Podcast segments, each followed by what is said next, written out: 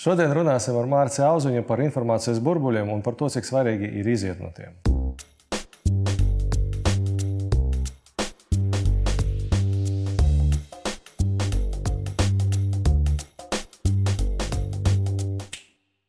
Man ļoti iepatikās Zilas ekonomisti, ka Blinkens taisa pirmo valsts vizīti. Attālināti, oficiāli valsts vizīti pēc visiem protokoliem. Un tas ir interesanti, jā, jo es, es, es arī lasu ek ekonomistu, bija iepriekšējā nedēļā tas raksts, un tas, tas ir kaut kas tāds ļoti acīm redzams, nu, efekts, ka tev nav jābrauc un tu vari kā nu, Amerikas. Uh, uh, pirmais diplomāts ar visiem sazināties ļoti lēti, ļoti ātri. Tas nenozīmē, ka nav jābrauc. Un, Bet, es domāju, ka tas nav tikai sazināties, jo valsts vizīte, nu, dažkārt, mēs arī pa vidu esam pavadījuši kaut kādas amatpersonas valsts vizītē, tur ir savi protokoli, savas procedūras, savi uh, līgumu un lēmumu, kuru drīkst parakstīt tikai valsts vizītes laikā, ko nevar tā kā mēs vienkārši kā divi ministri aprunājamies. Līdz ar to es domāju, ka tas ir tāds principā jauns līmenis. Pie tam, kā es lasīju, protokols, jā. jauns protokols, un kā es lasīju par to vizīti, tur patiesībā viss ir tā kā, tā kā pa īstam, var teikt. Tur sarunas ar valsts prezidentu, kaut kādu uzņēmumu apmeklēšana, sarunas ar jaunatni, tur tikšanās. Tā kā visa tā, tā, tā secība un tas, kas tur notiek, ir patiesībā nu, normāls valsts vizītes laikā. Jā, bet ja skatāmies, pieņemsim, Rīgā tas vēstniecības, un tas sākotnēji doma vēstniecībai bija nu, nodrošināt komunikāciju, ko šodien var nodrošināt arī nu, visdrīzāk arī bez vēstniecības. Un, nu, šķītami, es tā provocēju, vai ne? Un, nu, vai, vai tas vēstniecības darbs, viņš nu, turās līdzi ar to, ko tagad ir iespējams darīt arī bez, nu, nesēžot šeit uz vietas? Ne, nu, jā, tas, protams, ir ļoti interesants jautājums, ko dara vēstnieki. Cik viņi dara publiski un cik viņi dara aiz kadra legāli. Bet, bet tur ir šī te, kā lai to saka, cilvēcisko kontaktu veidošana un tā tālāk. Nu, atkal, mēs savos amatos, dažādos dzīves posmos, visādās vēstniecību pieņemšanās esam piedalījušies un ar vēstniekiem runājušies.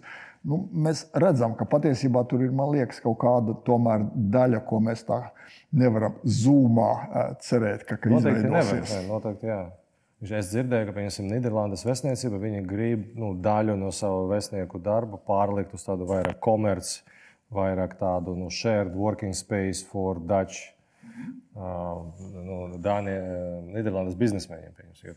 Nu, tas apmēram tas pats, ka, kas ir ar bibliotekām. No vienas puses, biblioteka, kā grāmatu krātuve, iespējams, nav tik svarīga, bet biblioteka kā vieta, kur cilvēki var atnākt un uzsākt uzņēmumu, uztaisīt kaut kādu sanāksmi, ka tas ir uh, vieta, kur cilvēki var kaut ko izdarīt, uztaisīta pa valsts naudu.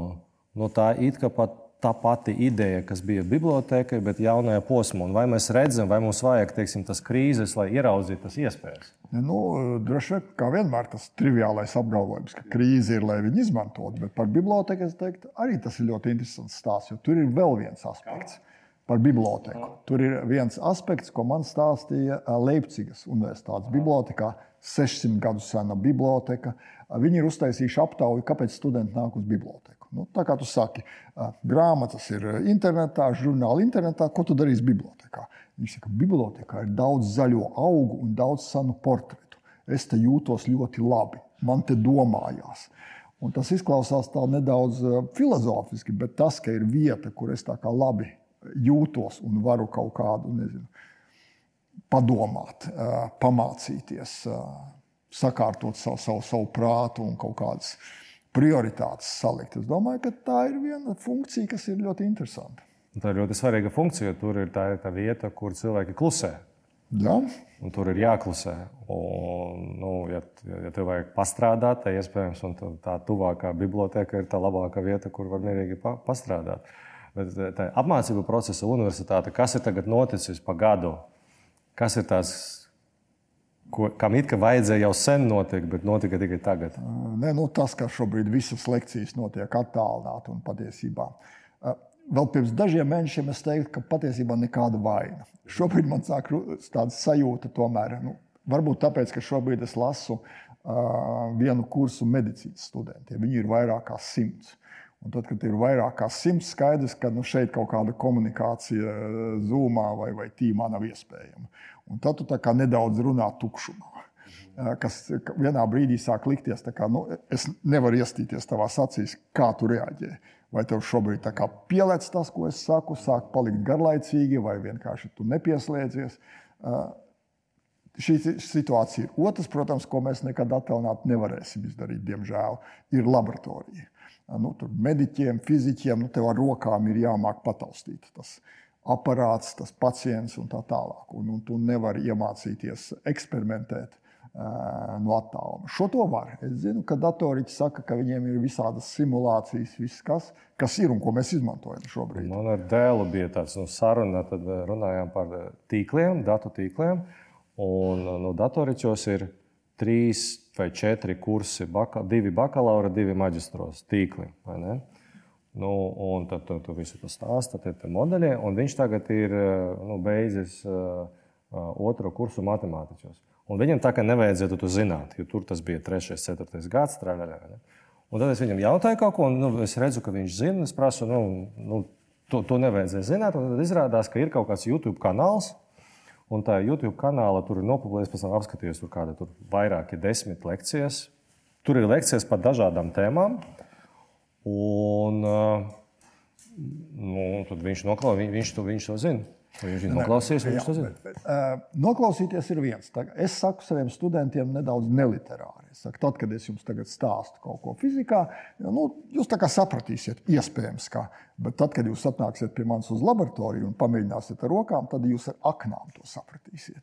Jo viens ir intelektuāli saprast, otrs tomēr nu, fizikā. Um, Iespējams, ka vismaz tādā datorīgas daļā, kas ir dzelžs, tāpat, nu, kamēr tu to nepataustīji, kamēr tu ar savām rokām to neizdarīji, tikmēr līdz galam tā, nu, jo sapratnē tur ir daudz un dikti līmeņi. Man tad ir nākamais interesants jautājums, jo nu, ir situācija, un katra situācija veido nu, cilvēkus. Nu, tasim, ir cilvēki, kuri šajā situācijā izceļas. Nu, pieņemsim, ja visi ir ļoti disciplinēti, visi sēž lekcijās, tad viena tipa students, students ar vienu raksturu būs teicamnieks.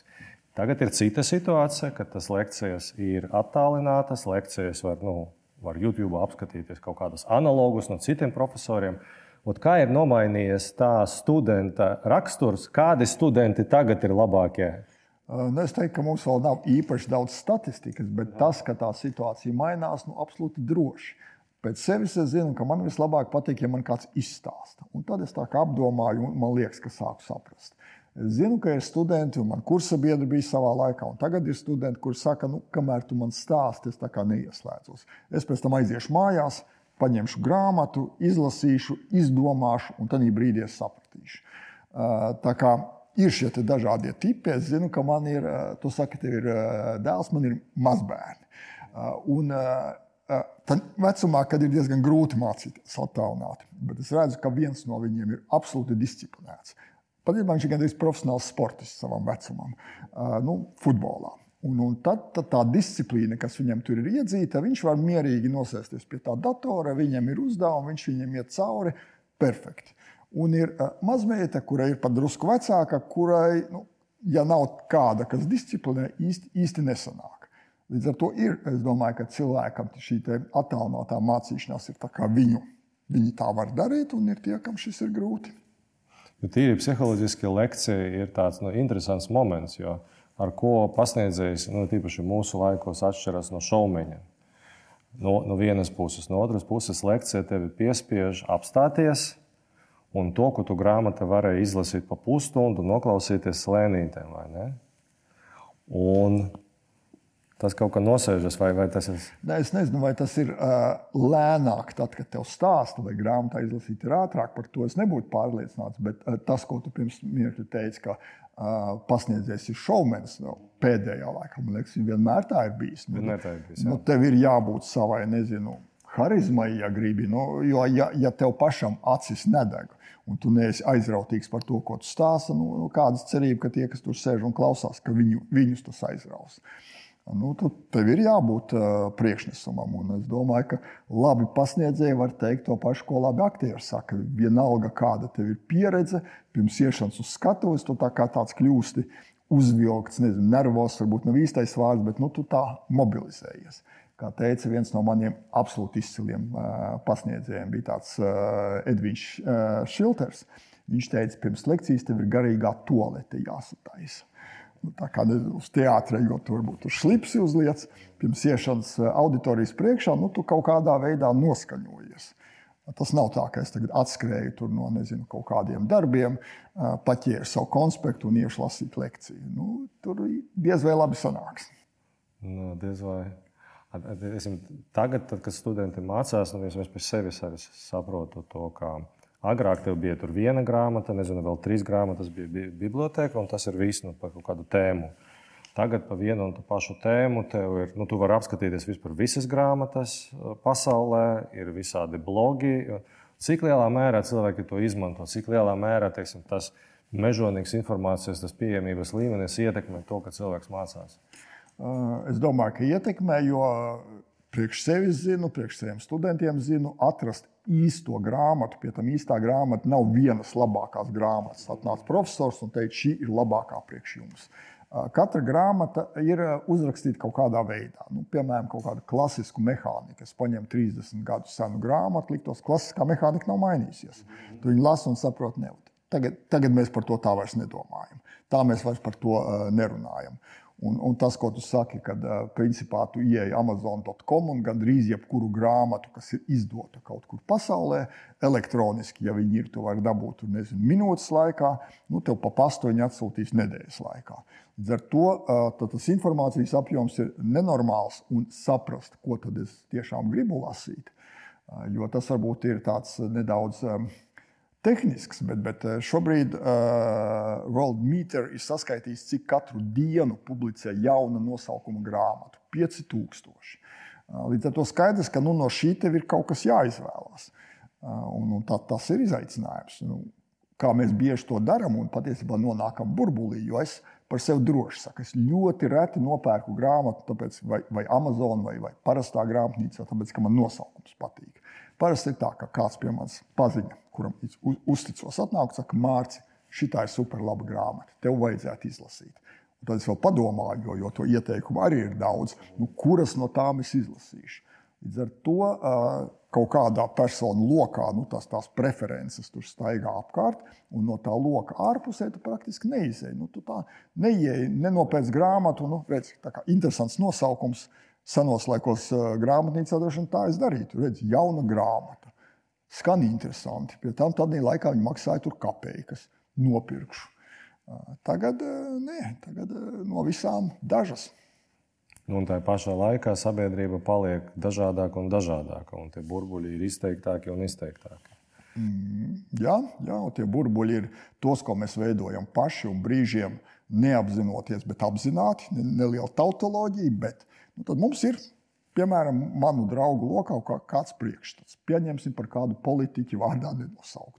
Šitais politiķis ir absolūts stulbs un par viņu runāt un lasīt ir muļķības. Un tu ieraugi vienu rakstu, ka nu, kaut kas labs par viņu rakstīts. Tu jau to rakstu nelasīsi. Tu viņu vienkārši noliksi malā, teiks, nu, šīs muļķības taču es nelasīšu. Un brīžiem es sev esmu pieķēries. Nu, tad tādā pašā man mīļajā žurnālā The Economist. Trumps bija Amerikas prezidents. Tu paskaties, bezdarbs zemākais tur, nezinu, gandrīz vēsturē. Ekonomika iet uz augšu, tad, kad pēc cikliem viņai būtu jāiet uz leju. Nu, tiem, kam patīk Trumps, saka, nu, redz, superprezidents, lai viņš tur runā kādas, kādas lietas grib, labi rulē.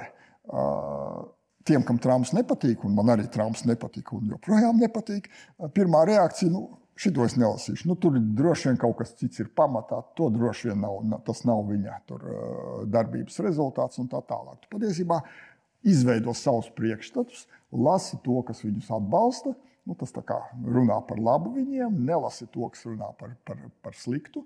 Un sēž tajā burbulī. Līdz ar to man priekš sevis ik pa brīdim ir bijusi tāda apzināta taktika. Mēģināt no burbuļa vārdu visplašākā nozīmē līst ārā. Nu, Ja es, nu, tad, kad Trumpu ievēlēja, es nolēmu pajokot, un es nopirku tādu, to kepku, uh, you know, uh, Make America Great Again, nu, tādu joku. Tad es kādas pāris reizes uzvilku to, un pēc tam vairs ne, jo neviens nesaprot to joku. Visi saprot, ka Nu, tas ir nopietni, un, un, un nu, nedod Dievs, ka esi pat, tas ir pat Latvija, kur nu, kāda mums, kādas mums ir darīšanas. Bet, jā, bet tad, kad viņu ievēlēja, es skatījos, runājot par ekonomistu. Jā, bija ekonomikas konference, un galvenā redaktore intervēja, intervēja Trumpa štaba vadītāju. Un, un tā bija man tā pirmā reize, kad es sapratu, ka tas liberālais preses gals un, un, un teiksim, tas liberālais sabiedrības gals, kuram nu, es at, arī sevi pieskaitu, nav gatavs pat nevis pat nedzirdēt, neklausīties. Ne, pat argumentus nav gatavs sadzirdēt. Jo, teiksim, nu, var atrast to ierakstu, ja galvenā redaktore teiksim, novadīja to interviju, kā nu, visu laiku pārtraucot viņu. Viņš ir tāds nu, mierīgs, viņš ir trenēts cilvēks, mierīgs, viņš mierīgi kaut visu laiku nedodot. Vai mēs, kā no tāda ekonomista lasītāja, arī esmu fans, vai, ne? vai mēs esam gatavi nu, reāli iesaistīties cienīgi, nu, ka viņam ir tikpat tiesību, kā mums kaut ko teikt? Ne, no, Droši vien pa lielam kā sabiedrība nesam. Un, protams, mēs varam tā, ar tevi teikt, ka nu, mēs jau nu, mēs, tā kā jau mēs, mē, mēs jau citādi, bet, bet patiesībā jau mēs esam daļa no tās pašas sabiedrības. Un droši vien, ka pēc tādiem pašiem principiem apzināti vai ne, neapzināti pa brīdim darbojamies. Un tas ir tas, ka es sēžu savā burbulī, un, un tad, kad kāds man netīkams cilvēks, varbūt saprātīgs arguments piedāvā, man uzreiz attieksme tāda, ka tā nevar būt taisnība tas viss ir muļķības. Un mēs jau redzam, kas notiek uh, kopumā, no jebkurās vēlēšanās. Tāpēc par Trumpu runājot, es kā reiz Amerikā dzīvoju septiņus mēnešus un atlidoju atpakaļ dienā, kad viņš tika ievēlēts. Redzot visu to procesu ļoti kreisā, kreisi noskaņotajā Berklijā, kā tur tā, tas mainījās. Nu, sākumā tur Sanders un, un Clintoni, Eh, tad paliek tikai. Eh, tad jau puse Berklīs saka, ka nu, te vairs nebūs par ko balsot, jo nu, Klintona jau nav īstais cilvēks. Vārds sakot, tas, ka, ka mūsu priekšstati ir izveidojušies jau ilgi pirms tam, un politiķi vislabāk zina, ka vēlēšana kampaņā tur runā par dažiem procentiem iedzīvotāju, kur ir svārstīgie. Jo lielākā daļa mums tāpat ir skaidrs. Tu man stāsti, ko gribi, es zinu, kurš ir labs un kurš ir slikts, par ko es balsošu, par ko es nebalsošu. Un, uh, argumenti tur īsti nestrādā. Nu, es vienmēr uh, saku sev, saku politiķiem, kad mēs ar viņiem runājam, ka politika jau nav loģiska padarīšana. Cerēt, ka es tagad ar loģiskiem argumentiem pie tevis atnākšu un izstāstīšu, un tu sapratīsi, ka tu tev nebija taisnība, ka mana loģika pārspēlē, tā nenotiek.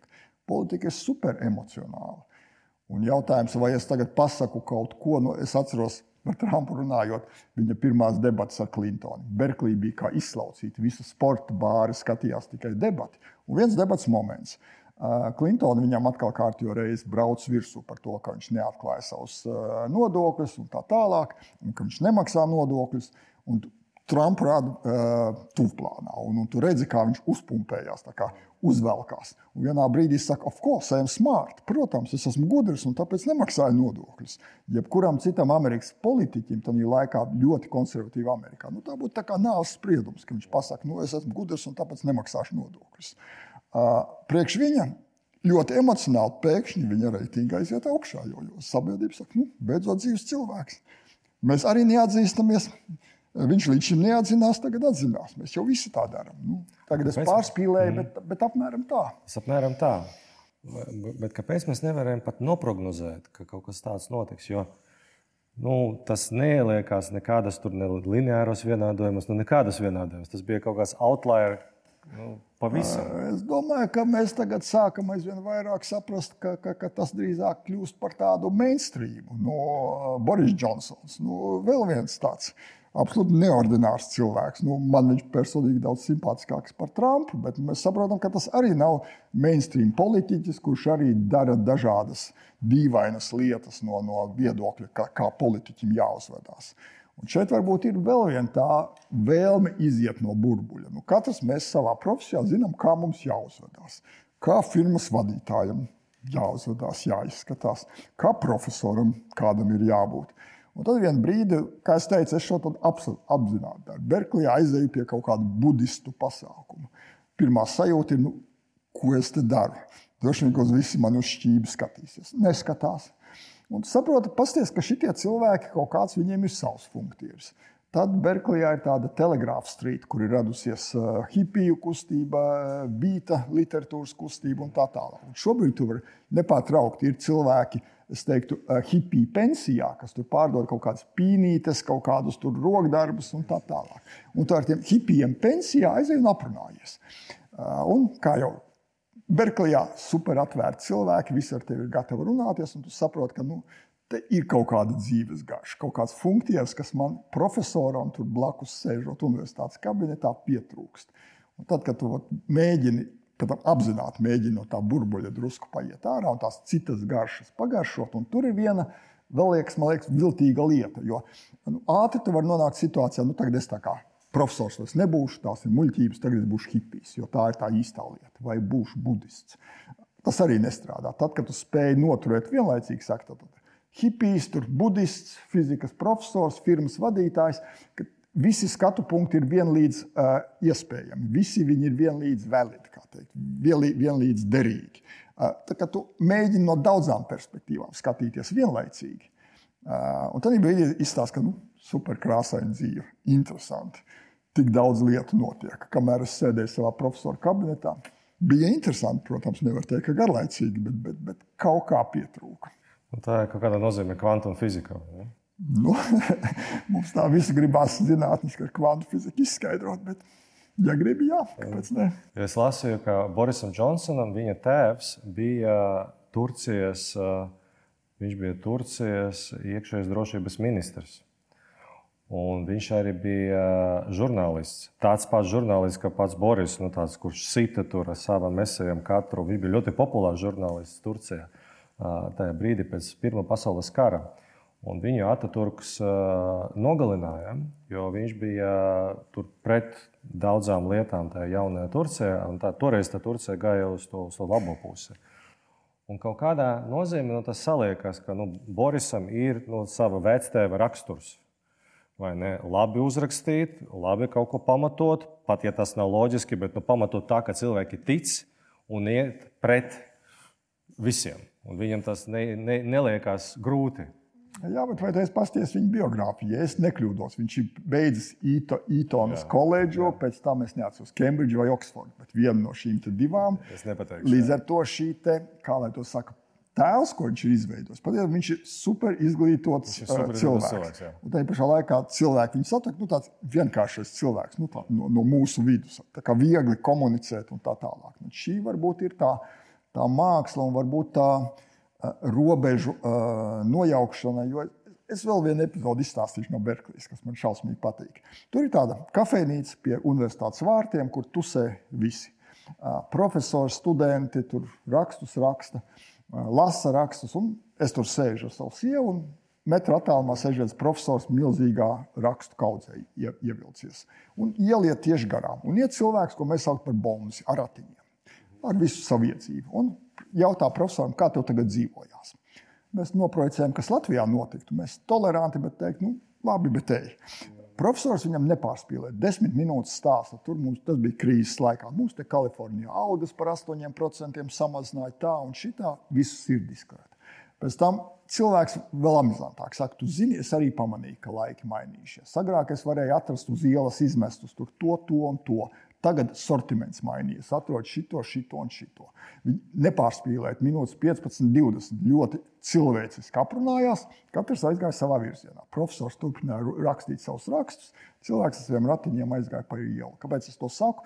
Šī spēja uh, empātiski komunicēt, saprast, ka patiesībā uh, nu, viens ir nonācis uz ielas. Viens tur ir profesors universitātē, trešais vēl kaut ko dara, kāds ir biznesā, kāds ir um, akadēmiskā pasaulē, bet patiesībā mēs esam daudz līdzīgāki. Un, un, uh, tā kā nevajag, nevajag sēdēt manā burbulī, bet, bet patiesībā saprast, ka, ka, ka, ka ir šī cita pasaule, un kur viņi ir interesanti. Un, un, un vienalga pat, pat šī cilvēki ar eh, ratiņiem, ar iedzīvu ratiņos pasauli ir interesanta. Nu, šī garša man šeit pietrūkst šeit Latvijā, šī sajūta.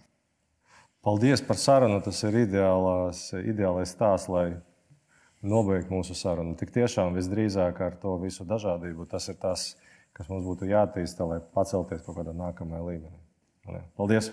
Paldies!